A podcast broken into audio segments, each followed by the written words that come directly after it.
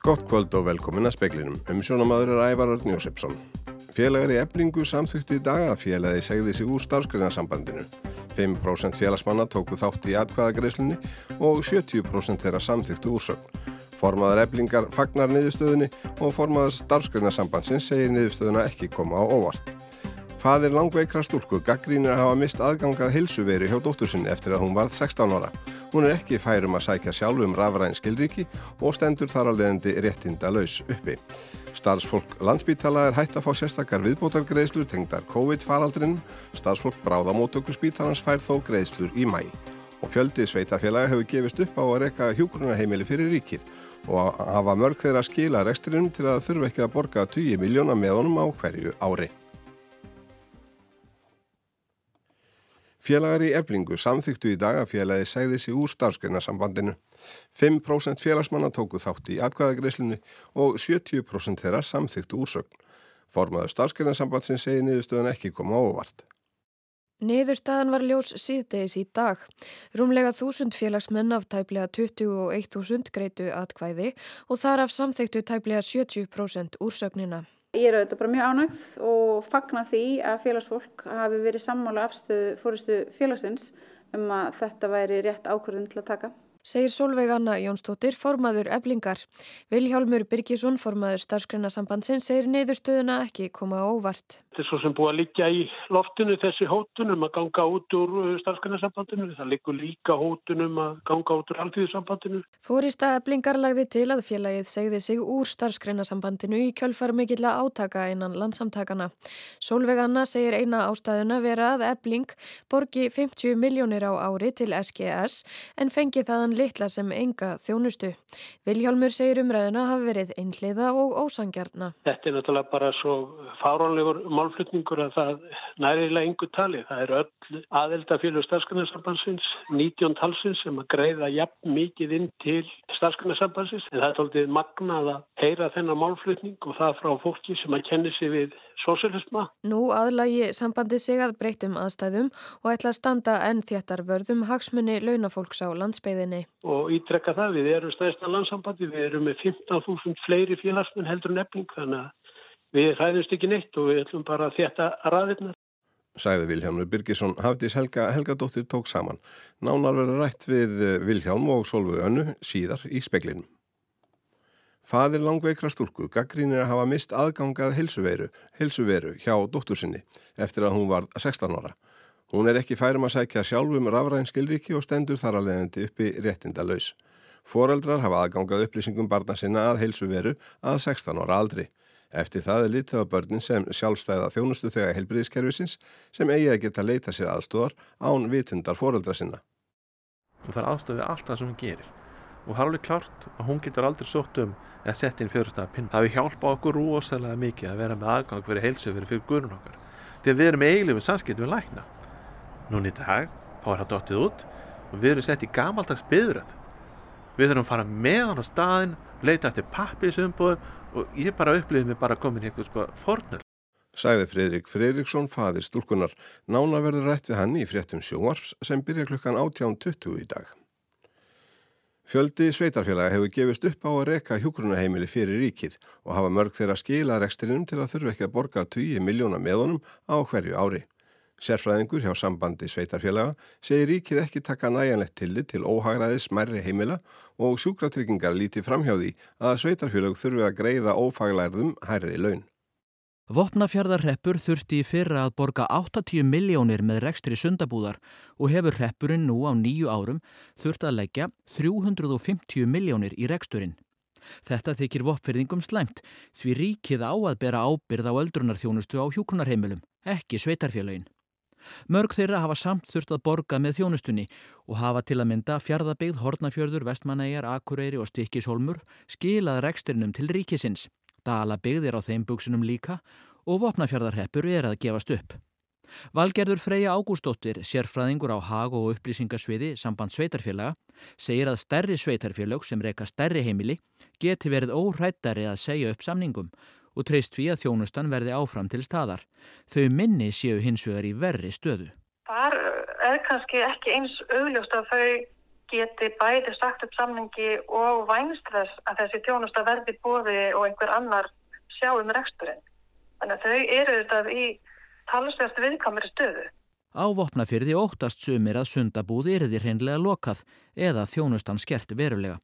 Valgerður segir að vandamálið sé að svo kolluð daggjöld frá ríkinu dugi ekki til að reka smerri heimili. Þó að það sé vissulega greitt smæðar álag inn í daggjaldi þá er það bara ekki nægjalegt til að dekka þetta óhagraði sem að þessum litlu einingum hlýst og svo er það hitt að í daggjaldinu þá hefur það heldur ekki verið tekið til til þess að kjara samningar sveitafélagi hafa aðeins annan struktúr heldur en ríkið sem þýr það að við erum að greiða þá ófallari fólki ögnæri laun. Þannig að þetta verður niðurstað. Sæði valgerður Freyja Ágústóttir, Rúnarsnæ Reynisson tók saman. Landsbítalinn hefur síðan í COVID-faraldrinum greitt starfsfólki sérstakar viðbótar greiðslur sökum mikils álags og mönnunavanda sem varði í kjölfarið. Í april voru greiðslurna lækkaður og námu þá helmingi af því sem áður var. Spítalinn ákvaða áframirði hægt að beita sérstökuð viðbræði til að tryggja lámarsmönnun líkil eininga eins og bráðamóttökunar segir í svari við fyrirspöld fréttastofu. Til að tryggja lámarsmönnun og öryggi þjónustunar þar með hefur verið ákveðið að starfsfólk bráðamóttöku fái sérstakka viðbóta greiðslu í mæ. Lífslíkur ómentaðra eru talsveit læri en þeirra sem hafa háskólamentun. Þetta kemur fram í nýlegum tölum hagstofunar. Lífslíkur ómentara kvenna hafa lækkað mest frá heimsfaraldri. Ævilengt kvenna minkaði um 0,3 ár frá árinu 2021 en stóði í stað hjá körlum. Þrátt fyrir það er meðal ævilengt karla á Íslandi en lægri en kvenna. Meðal ævilengt karla var 80,9 ár í fyrra en meðal ævilengt kvenna 83,9 ár.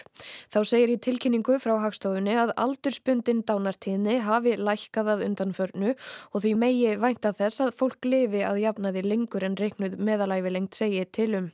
Aðtegli vekur að lífslíkur ómentaðra minguðu mest í heimsfaraldrinum.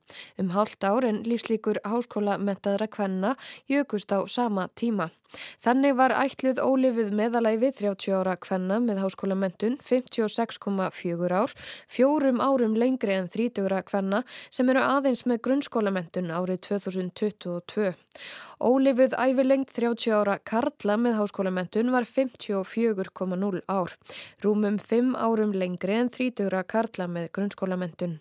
Á milli árana 2011 til 2022 hefur æfilengt háskólamentaðra aukist mest eða um 1,8 ár á meðan hún jógst um 1,3 ár á meðal framhaldsskólamentaðra en mingaði á meðal grunnskólamentaðra um 0,3 ár. Haftis Helga Helgadóttir tók saman.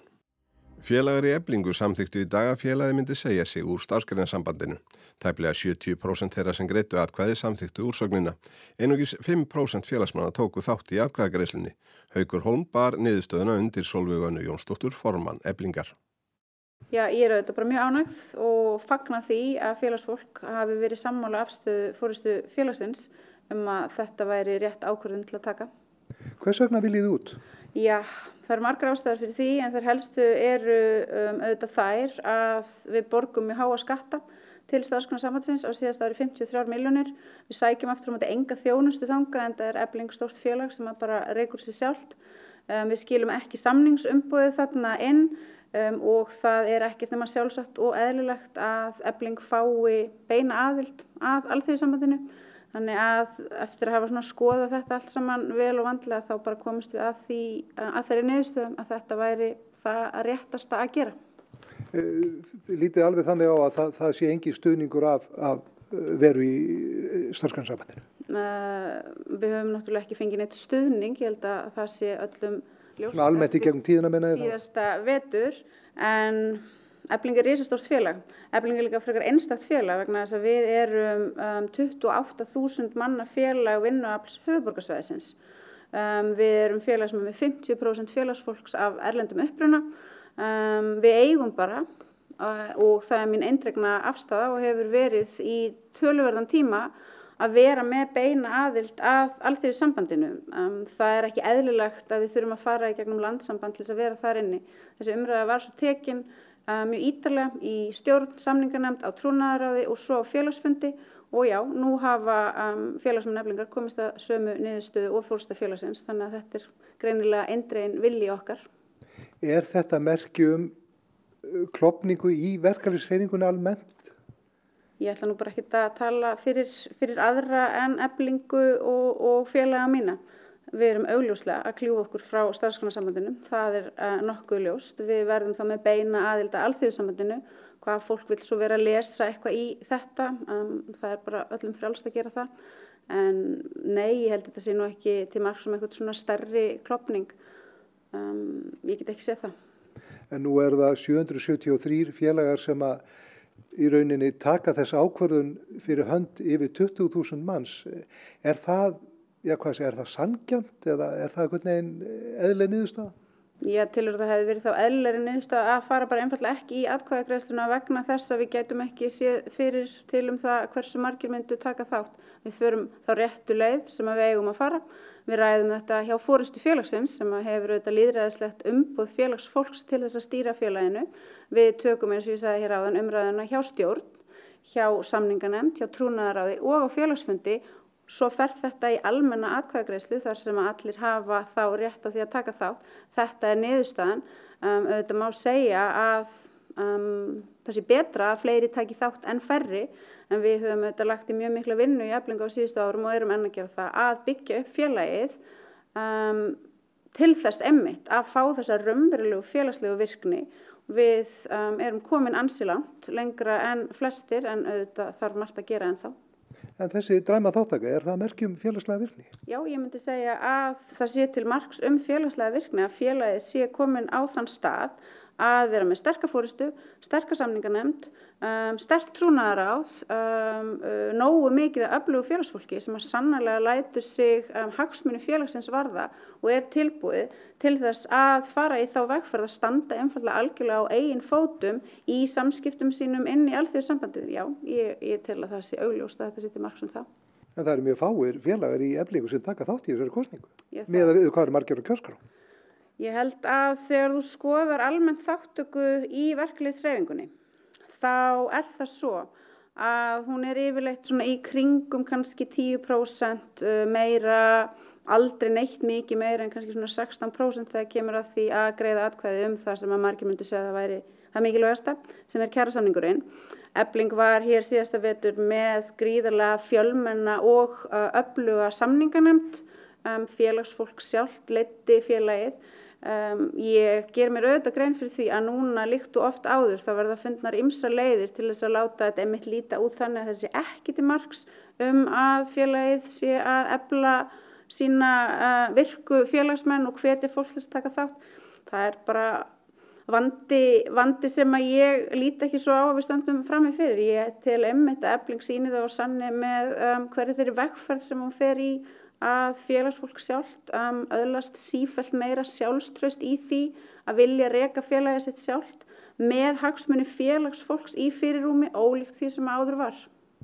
En er kannski, svona, finnst það ekki meir þáttaka en þetta með að við held að fjöldan, er þetta kannski vandamál í bara verkarisreifingunni almennt? Á ég að segja er, um, fyrst og fremst er þetta náttúrulega margs um það að vinna af höfuborgarsvæðisins sem til er eblingu veit margt hvert ekki hvað starfsgrunnarsambandið er. Það er ekki vandi eblingar, það er auðvitað mögulega vandi starfsgrunarsambandsins. Og Vilhelmur Birgisson, formaður starfsgrunarsambandsins, segir niðurstöðan ekki hafa komið sér á óvart og óttast ekki að hún skaði sambandið. Hann vísar þeim rökum solvegarönnu og fóristu eblingar fyrir úrsögninni á bug að félagi hafi fengið litla þjónustu fyrir háframlög til sambandsins. Þetta er náttúrulega bara svo fáránlegur málflutningur að það næriðilega yngur tali. Það eru öll aðelda félug starfsgrunarsambansins, 19 talsins sem að greiða jafn mikið inn til uh, starfsgrunarsambansins. Þetta er bara hlutfall af félaga fjölda og tekjum uh, félagana. Þannig að það eru allir að greiða jafn mikið en það er tóltið magnað að heyra þennan málflutning og það frá fólki sem að kenni sig við sósialisma að eh, þau sé að greiða of mikið og fái of lítið. Þetta er svona ekki beint í anda þeirra stjórnmálastöfnu sem að fórista eflingar stendur fyrir. Eh, bara síðasta spurningin, munir þetta koma til með að hafa mikil áhrif á starfsemi starfsgrunarsambandsins, eh, reynlega þar sem þið þurfum að sjá eftir miklum, já allavega þessum 50 miljónum á ári? Við munum klárlega bara aðláða okkur að því. Við erum líka aðilar að sýstursamtökum út í á Norðurlundunum. Við erum að greiða skattangað, þannig að Ég veit ekki hvort að ebling hafi gert ráð fyrir því hvernig ætla þau að, uh, ætla þau að taka þátt í, í, í þessu alþjóða samstarfi sem að verkefælisringinu í Íslandi er. Við greiðum 7 miljónir til sístu samtaka á Norðurlundarum. Þannig að uh, vantarlega mun ebling fyrir að vega þá að metta hvort að þeir ætla ekki að taka þátt í þessu samstarfi sem við höfum átt við kollega okkar á Norðurlundarum. Það verður bara komið ljós en við munum bara aða okkur að breytum aðstæðum og ítrekka það. Við erum stæðist að landsambandi, við erum með 15.000 fleiri félagsmenn heldur nefning þannig að við hræðumst ekki neitt og við ætlum bara að þetta ræðirnar. Það skiptir máli fyrir aðeldafélög starfskanarsambansins. Nú er þetta bara orðið nánast landsbyðafélög en það veitir ekki af fyrir landsbyðafélögin að verja hafsmunni sína uh, uh, gagvart uh, höfuborgarsvæðinu því að, að stundum hefur hallað aldrei á þá sem að búa út á landi. Og það var Hafdís Helga Helgadóttir sem rætti við Viljám Birgisson.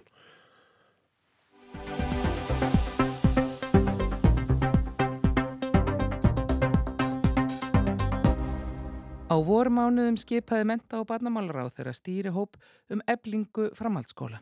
Að hans fyrir um hvaðið er hafið samtalum saminningu verkmentaskólans og mentaskólans á Akureyri, kvennaskólans í Reykjavík og mentaskólans við Sund, fjölbröðaskólans á Suðunesjum og Keilis og svo Flensborgar og Tekniskólans.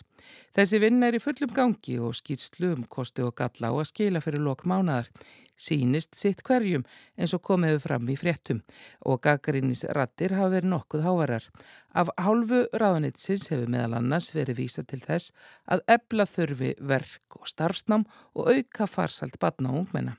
Hildur Yngvarstóttir, skólameistari í tekniskólanum, fagnar því sem gert er til að ebla starfsnám. Ég eru þetta mjög fylgjandi eblingu starfsnáms og þess vegna er ég nú í því starfi sem ég er og ég hef einlegan áhuga á því að að fleiri ungmenni fylgja hjarta sínu og fari inn í starfs, yðntækni og verkgreinar.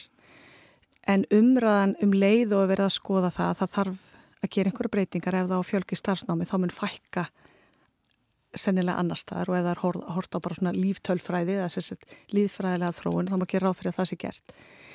Þá er ákveð ok, það þarf að skoða kerfið en þá fyrir að skoða bæði samstarfs og saminningar og saminningar sérstaklega eru bara mjög viðkvæmur málaflokkur eins og við höfum bara séð núna á undaföldnum tveimu vikum.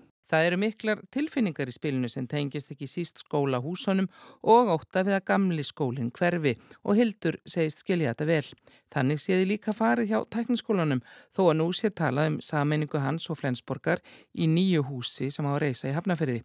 Mikið rætt um söguna. Sagan sé mikilvæg en allir skólar eigi sér sögu. Hjá sömum tegjum sér langt aftur en Það verða að vera hægt að horfa fram á veg, segir Hildur, setja nefnandan í forgrunn og hugsa um hvað komi honum best. Allir þessi skólar um gjörfall landið hafa sérstöðu og það er líka mikið bent á hana. Og sem betur fyrir þá eru við í kerfi hér á Íslandi þar sem við getum mikið þróað okkur og það er mikil skóla þróun og mikil gerjun í gangi. Við höfum nokkuð frjálsræði innan þess námskrar umhverfis sem við búum við að geta þróa brautir og geta þróað nám og uh, þannig að kannski hafa margir skólar enþá meiri sérstöðun þeir hafa en hvernig getur við samin að þessa krafta og nýtt allt það jákvæða sem er að gerast í öllum þessu skólum og mynda það bara sem allra best eða skulum bætt framhaldsskólakerfið en betur og nýtt fjármunni sem allra best til þess að stuðla aðfarsælt ungmenna. Er stór skóli betri heldur en minni? Ekkert endilega. Þetta hefur allt sína kosti og galla. Lang flestir þeirra sem ljúka grunnskóla skrási í framhaldsskóla en brott hvar þaðan hefur verið mikið hér á landi, meira en víðast í Evrópu, ekki síst hjá strákum. Við þurfum að taka það alvarlega og við þurfum að fara alveg nýri grunnskólan. Brottfall hefst ekki í framhaldsskóla. Við hins vegar sjáum það fyrst svona rækilega tölfræðilega í framhaldsskóla vegna þess að þá er ekki skóla skilda lengur. Eh, ef þú mætir ekki skólan í grunnskóla þá eh, stígur barnavend inn í málið og þú ert aldrei metin slí, sem slíkur sem brottfall en þegar þú kemur í framhaldsskólan þá er fræðslu skilda en ekki skóla skilda og þá getur þú dottið út. Við hljótum, fyrstalega þurfum að vinna betur að því að mæta áhuga í grunnskóla. Við þurfum að bjóða nefnendum upp á fjölbreyttarnám og þá er ég sérstaklega að hugsa um innnámið. Að þú fáir fleiri tækifæri Eh, eftir því sem líður á grunnskólan þá er sífælt meiri áhersla á starfræði íslensku, ennsku, dönsku, náttúrufræðgreinar og samfélagsfræðgreinar. Fókusin verður þar. Þannig að ef þú hins að dapnar betur í einhvers konar verknámi, þú farið ekkit mjög mikil tækifæri til, til þess. Og svo þegar við erum komin í framhaldsskóluna, þá þurfum við bara að vera með mjög fjölbreytt úrval í bóði og að nefnendur, þeir veit ekki allir hvað þeir vilja gera þegar þeir koma inn 16 ára gamlir að það sé sveia og þeir geti skiptum skoðun. Þeir uh, hafi töluverða sveigi bæði innan skóla sem þeir eru í en líka að þeir geti þá flutt sem millir skóla ef, ef þannig er. En að það sé pláss fyrir þá líka í starfsnáminu til þess að uh, fara í eitthvað sem að nærir og gefur þeim góða framtíð. Samkvæmt rannsóknum á líðan nefnda í framhaldsskólum sem gerðar eru reglulega þá lýsa næri 60% nefnda námsbröð sinni sem bóknámi til stúdensprófs en um 70% segjast af áhuga á að taka fleiri verklega áfanga. Síðustu vor hefur þurft að neyta jafnvel mörg hundru nefndum um skólavist í verkreinum. Á árum áður var oft talað um að foreldra legða bönnum sínum að fara í bóknám því ekki mætti loka dyrum. Hefur það breyst? Ég til þetta hafi breyst bara töluvert og sérstaklega undanfarn ár að viðhorfið er að verða miklu jákvæðara. Ég held að sé að ég hef oft sagt að það vilji allir fóreldrar að einhver börn fari inn á bara börn einhver annara en ég held að þetta sé að minka. Ég held að séu fleiri fóreldrar sem sjá að það sé góðu kostu fyrir þeirra barna að fara í yðinlega starfsnám. Ég held að allt samfélagi tali í takt þar, bæði ríkistjórnin mentakerfið, atvinnulífið, að ég held að geta enginn verið ósamála þeirri fullinningu að við þurfum fleira fólk í inn og tæknistörf og við finnum það bara á okkar einn skinni þegar okkur vantar pípara eða rafvirkja. Áttu vonaði að landslægið í framhaldsskólanum breytist mikið núna á næstu misser? Ég bara ætla ekki að spá. Þessar sammenningahumundir eru á þessu stíi málsins eru þetta físileika kannanir. Það er verið að skoða físileika bæði sammenninga en líka aukins samstarfsskólana. Eh, sumt getur verið sniðt og annað kannski ekki. Það geta líka vaknað upp aðrir möguleikar. En vonandi verður þá bara svo ríka umræða sem á sér stað til góðs á endanum. Sæði Hildur Ingvarsdóttir, skólamistari tekniskólans. Anna Kristín Jónsdóttir talaði við hana.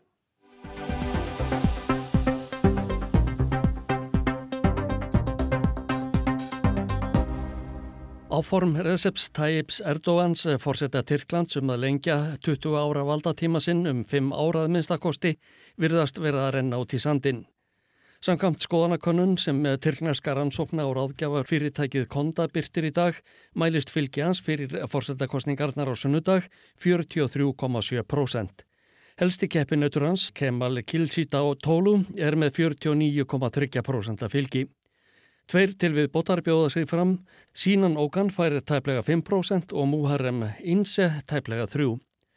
Verði niðurstaða kostningana á þessa lund þarf að kjósa aftur millir tveggja efstu halvu mánuðu síðar, sunnudaginn 28. mæ.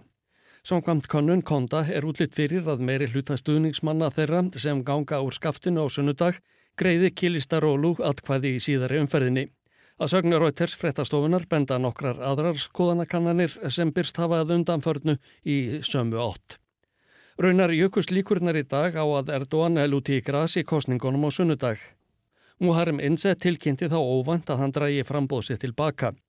Ég er hættur við og gerir það fyrir þjóð mína tilkynntan á fundi með frettamönnum í Istanbul. Adaylıktan çekiliyorum. Adaylıktan çekiliyorum. Memleketim için yapıyorum. Bir kanal Utan Tyrklands er Muharrem Inse aðalega þektur fyrir frísklega baráttu gegn Erdogan fyrir fórsetakostningarnar 2018. Leikar fóru þá þannig að Erdogan fekk hreinan meiri luta en Inse ekki nema rúmlega 30%. Hann var þá frambjóðandi líðveldisflokksins CHP, Rótgrófins flokks jafnaðarmanna, helsta stjórnaranstöðu flokks Tyrklands.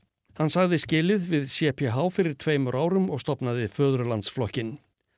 Þegar sex stjórnaranstöðuflokkar ákvaðu í mars eftir nokkur þref að tefla kilista rólu saman fram gegn Erdóan ákvaðu Muharrem Inse að taka ekki þátt í samstarfinu heldur bjóða sig fram sjálfur.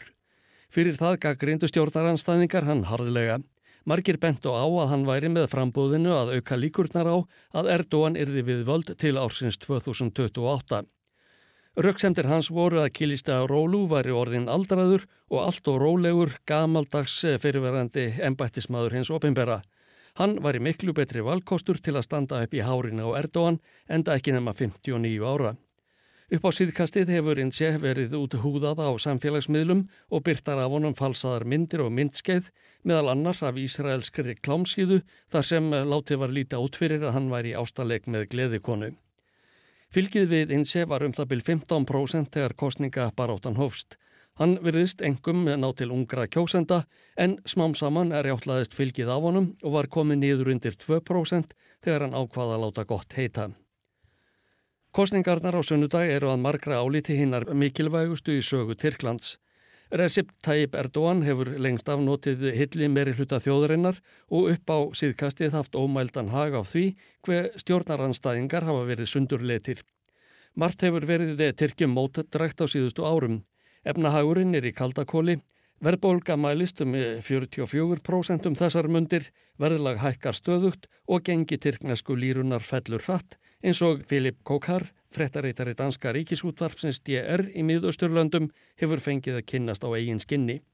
Þegar hann kom fyrst til Tyrklands fyrir hátt í 20 árum jafngildu 100 lýrur meira en 400 danskum krónum.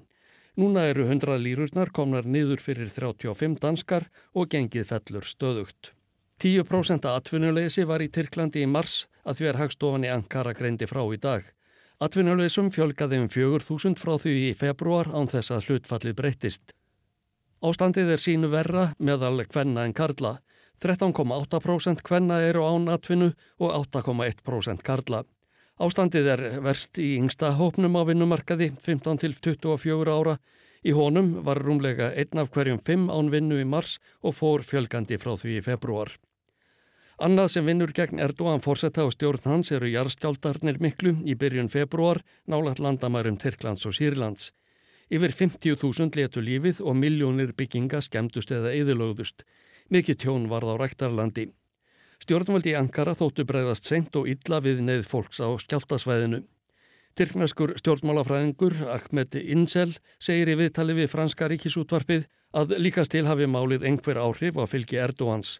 Margir sem voru óvissir um hvort er ætluð að greiða honum atkvæði eða frambjóðanda stjórnaranstöðunar kynnu að hafa snúist á sveif með þeim síðar nefnda. En hvað breytist ef Erdúan nær ekki kjöri á sunnudag eða hálfu mánuði síðar? Ahmed Insel gerir ráð fyrir að frelsist tilfinninga í eftir að líka í loftinu í nokkra mánuði.